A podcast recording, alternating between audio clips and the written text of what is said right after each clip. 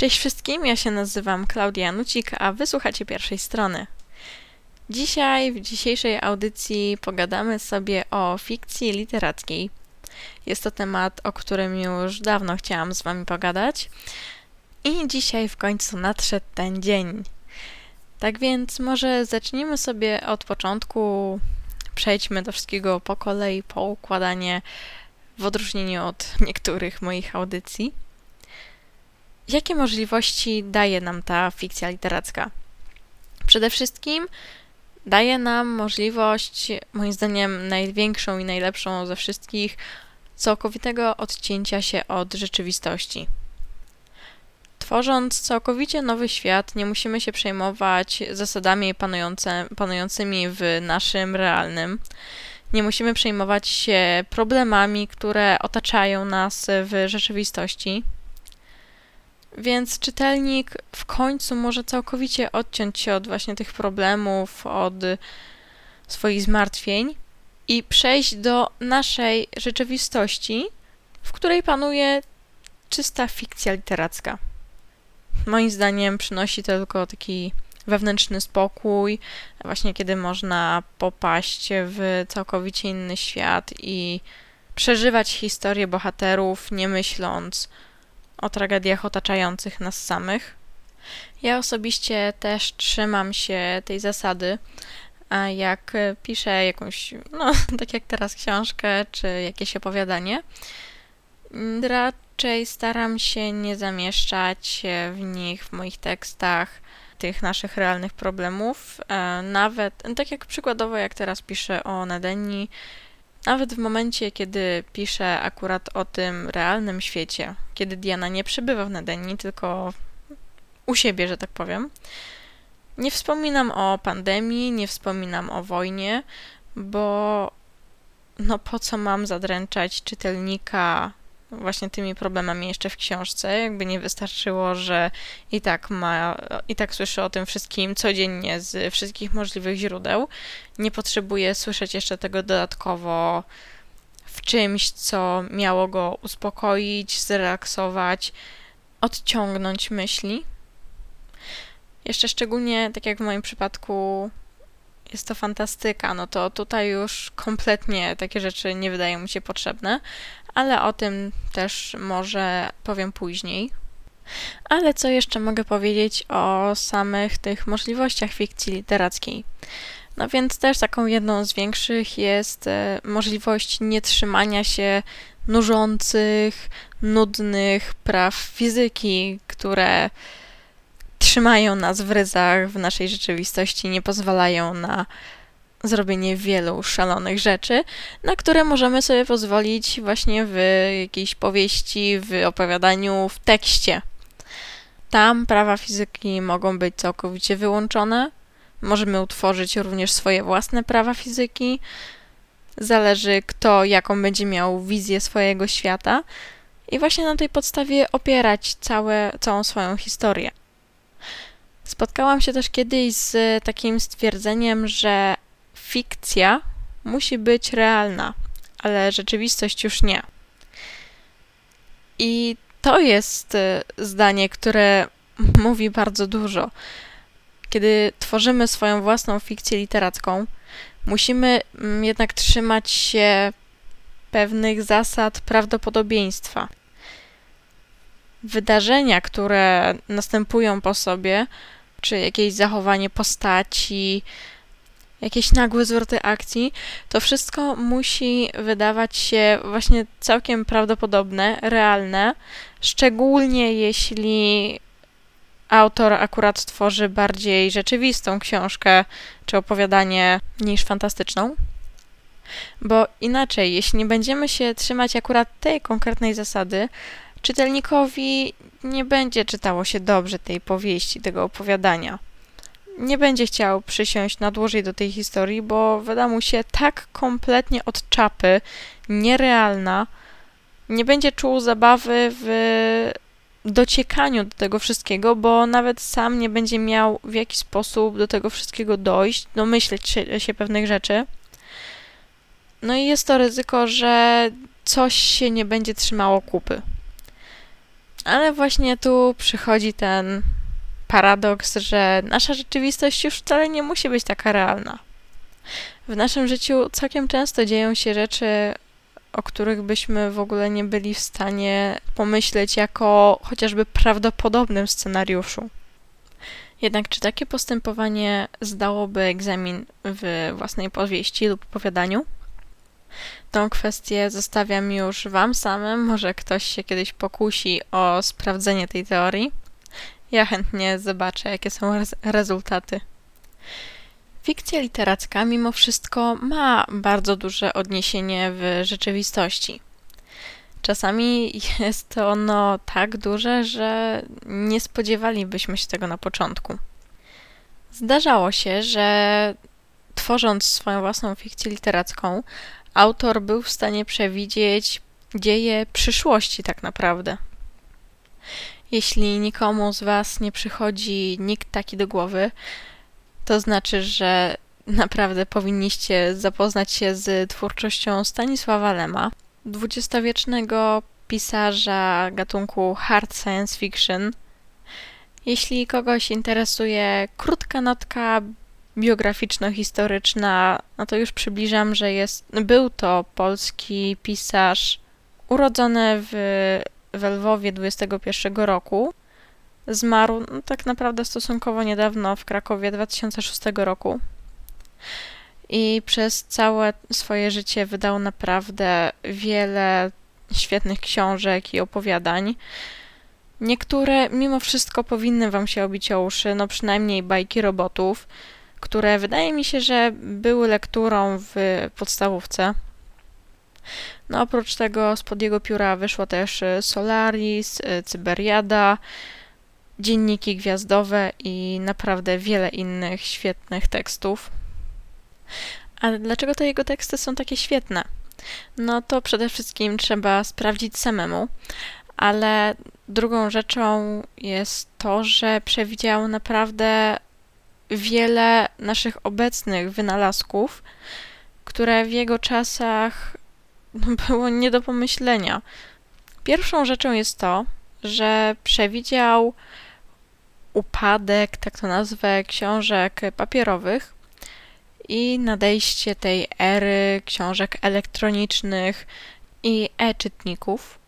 Z tym, że on wyobrażał sobie te e-booki jako takie kryształki, na których zapisywana była treść, która później była odtwarzana na specjalnym urządzeniu, czyli tak jakby na naszych e, tabletach czy właśnie tych e-czytnikach. I on to nazywał optonem. W tym samym tekście Lem opowiadał również o audiobookach. Ale też jeszcze cofnę się do tego, co mówiłam chwilę wcześniej, właśnie a propos tego zagrożenia e, książek papierowych e, e-czytnikami i audiobookami. Moim zdaniem książki papierowe nie są aż tak zagrożone, jak to opisywał Lem, bo jednak jest bardzo wiele osób, w tym też ja taka jestem, które lubią dotyk, zapach, widok papierowej książki już sam jej widok na półce cieszy oko, a no co dopiero, kiedy taką książkę się czyta. A też tym bardziej, że ceny e-booków wcale aż tak mocno nie odbiegają od, od cen książek papierowych. Także, a, a czasami są wręcz droższe. Także można powiedzieć, że jedynym plusem, który posiadają e-booki, a których nie posiadają książki papierowe, jest to, że nie zajmują żadnego miejsca na półkach, bo wszystko trzymamy w pliku w naszym e-czytniku, czy nawet na komputerze, czy w telefonie. Ale czy to wystarczy, żeby przerzucić się tylko na książki elektroniczne, a pozostawić w tyle książki papierowe? Moim zdaniem nie jest to warte. Ale wracając już do naszego głównego tematu, w innej powieści Lem opisywał taką bardzo wczesną wersję naszych aktualnych smartfonów i on to opisywał jako mały, przenośny telewizor, który umożliwia uzyskanie natychmiastowego dostępu do rozmaitych danych. Czyli tak naprawdę w ogóle się nie pomylił, bo dokładnie na tym w skrócie polega działanie naszego tele telefonu, czy raczej smartfonu. Lem jako pierwszy stworzył też wizję wytwarzania towarów, która bardzo przypomina naszą współczesną technologię druku 3D. Najlepsze jest to, że uzasadnienie dla całego tego procesu, które prezentuje Lem, bardzo, ale to bardzo przypomina no, nasze teraźniejsze. Przechodząc też na trochę bardziej skomplikowane, technologiczne, naukowe terminy, na których ja się nie znam, więc y, stworzę Wam tutaj tylko zarys y, całości. Lem opisał coś takiego jak inteligentny pył. I według niego była to taka chmura maleńkich dronów komputerów, które nie są większe od y, pojedynczego ziarenka piasku, a które to stanowią taki ogromny komputerowy system, który służy do wykonywania tak zwanych obliczeń równoległych. Ja nie mam pojęcia, co to jest, więc na tym zakończę te opisy Lema, jego koncepcję. A przejdę od razu do tego, że podobno e, ta koncepcja tego inteligentnego pyłu Lema przypomina najnowsze osiągnięcia z dziedziny nanotechnologii. Jeśli akurat ktoś przypadkiem się na tym zna, może stwierdzić, czy faktycznie tak jest po przeczytaniu książki Lema. To akurat jest przykład, o którym ja gdzieś wyczytałam, ale wyczytałam o nim na, na wielu różnych portalach, więc e, zdaje się być e, faktem. Więcej się w to nie będę na ten moment zagłębiać, bo nanotechnologia, cały ten inteligentny pył, maleńkie drony, komputery to jest całkowicie nie, mój, nie moja dziedzina. Cudowny mózg Lema był jednak w stanie wytworzyć e, coś tak fan fantastycznego jak elektrybaut, czyli takie urządzenie komputerowe, które tworzy poezję. Podobno współcześnie można by to odnieść do algorytmów, które tworzą tą poezję w internecie. A co ciekawe, okazuje się, że był to tak fantastyczny wynalazek, że prawdziwy elektrybaut powstał w naszej rzeczywistości, właśnie zainspirowany powieścią Lema. I można go nawet obejrzeć w Centrum Nauki Kopernik i podobno znajduje się tam cały szereg robotów odgrywających sceny z, no właśnie, z twórczości Lema, ale i innych autorów. Także jeśli dalej taka atrakcja znajduje się w centrum Kopernika, Kopernika myślę, że naprawdę warto by pójść tam, odwiedzić, no chociażby i tylko i wyłącznie z tego faktu. Mówię, jeśli dalej się to tam znajduje, bo wiem, że w Koperniku często te wszystkie atrakcje, te eksponaty zmieniają się na rzecz innych, nowszych, ale być może to jest coś tak fantastycznego, wywodzącego się z naszej rodzimej strony, że może zarząd Kopernika zdecydował o umieszczeniu tego tam na stałe. No trzeba by sprawdzić. W odniesieniu do trochę innych kategorii, Lem również przewidział coś takiego jak powstanie zjawiska postprawdy, jak e, transhumanizm i biotechnologia. Wszystko to zawdzięcza tak naprawdę swojemu, znowu to powiem, wielkiemu umysłowi, który po części też e, drogą dedukcji był w stanie wywnioskować, że takie rzeczy autentycznie mogą się zdarzyć, że no nie jest to czarna magia, tylko nauka rozwija się dosyć szybko i autentycznie jest możliwość, że taki transhumanizm czy biotechnologia będą miały miejsce. Jeśli chodzi o postprawdę, sprawa jest y, trochę inna, bo no raczej nie przewidział tego idąc śladami nauki. Być może był w stanie wywnioskować, do czego ludzkość jest tak naprawdę zdolna, w jaki sposób ludzie myślą, i co w związku z tym może stać się w bardziej lub mniej dalekiej przyszłości. Tak jeszcze może tylko taka krótka definicja dla osób niewtajemniczonych, czym tak naprawdę jest ta postprawda. Chodzi tu o taką niechęć do konfrontowania się z prawdą, ze sprawdzonymi faktami, na rzecz chęci do życia w własnym, uwidzianym przez siebie świecie. Trochę w takiej mydlanej bańce informacyjnej. Ważniejsze są tu osobiste przekonania danej osoby, jej emocje, niż właśnie te sprawdzone informacje, które no, w takiej sytuacji nie odpowiadają wizji świata tejże osoby.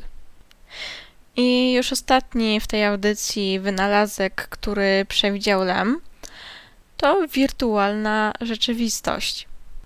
Lem nazywał ją fantomatyką i opisywał maszynę fantomaton, która potrafi tworzyć różne alternatywne rzeczywistości, których człowiek praktycznie nie był w stanie odróżnić od tej prawdziwej rzeczywistości, od swojego realu. Do tego wszystkiego Lem posuwał się w swoich rozmysłach y, trochę dalej, bo postrzegał tę technologię jako taką technologię wielopoziomową. I chodziło mu o to, że człowiek, który opuszcza tą rzeczywistość wirtualną, no wcale nie jest powiedziane, że wracał do tej prawdziwej, do tego swojego realu.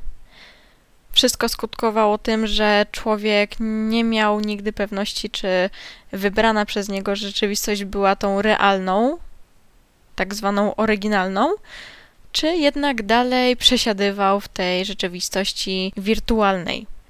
I przez to właśnie Lem obawiał się w tym przypadku zatarcia takiej granicy między prawdą a fikcją.